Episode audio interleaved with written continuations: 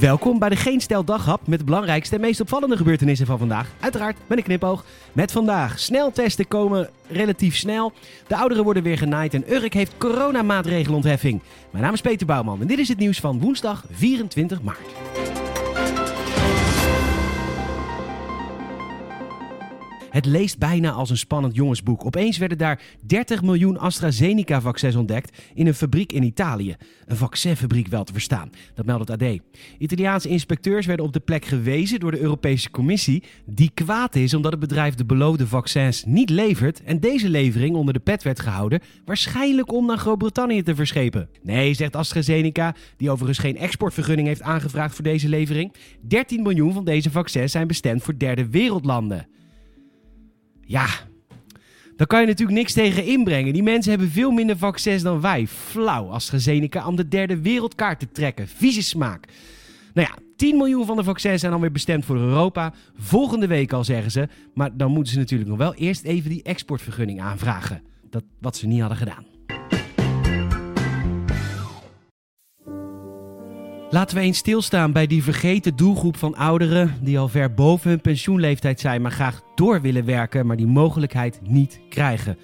Dit overkwam vandaag Sepp Blatter. De 85-jarige voormalig voorzitter van de FIFA krijgt een verlenging van zijn walgelijke schorsing van nog eens 6 jaar en 8 maanden. Dat meldt nu.nl. De man die slechts een belegde boterham voor zijn familie wil verdienen met noeste arbeid, kan dat nu pas weer op zijn 92ste bij de organisatie waar hij zijn hele leven keihard voor heeft gewerkt. Vanwege zijn inzet hebben we een prachtig toernooi gehad in Rusland en gaan we straks genieten van gastland Qatar. Laten we stoppen met de ouderen buiten spel te zetten.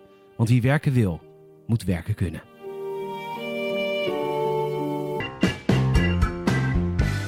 We mogen gaan zelf testen. De Telegraaf meldt dat het ministerie van Volksgezondheid twee sneltests heeft goedgekeurd.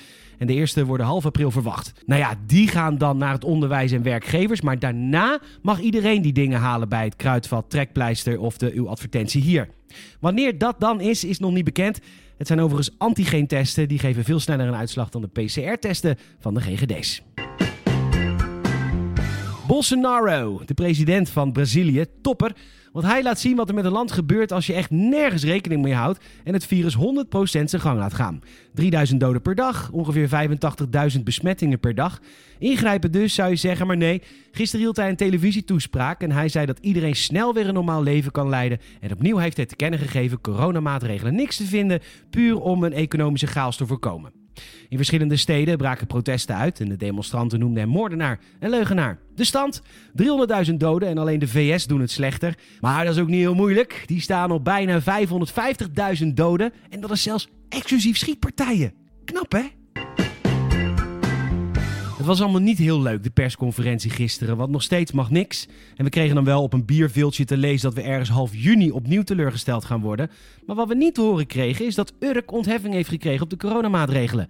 En dat gunnen we die mensen van Urk natuurlijk van harte. Het is geen makkelijke periode geweest met mensen van de ME die de avondklok wilden afdwingen en een teststraat die plots in de fik vloog. De Sionkerk is het daarom zat. De bewoners kunnen niet langer en de kerk opent de deuren met een soort field labs-achtig experiment, maar dan zonder lab, want dat is wetenschap en dat is stom. De oplossing? De gezinnen in de kerk moeten zich laten omringen door hun kinderen, zodat die als het ware als een levend coronaschild een bubbel om het gezin vormen. Geen grapje. Waterdicht systeem en we hebben voor zondag in ieder geval een leuk uitje. Om 10 uur en om 5 uur is er een dienst in de Sionkerk op Urk en u kunt vast Psalm 26 vers 10 instuderen. Doe mij niet mee vergaan. Veel plezier! Bedankt voor het luisteren. Je zou ons enorm helpen als je een vriend of vriendin vertelt over deze podcast. En ook een Apple Podcast Review zouden we enorm waarderen. Bedankt voor het luisteren. Tot morgen.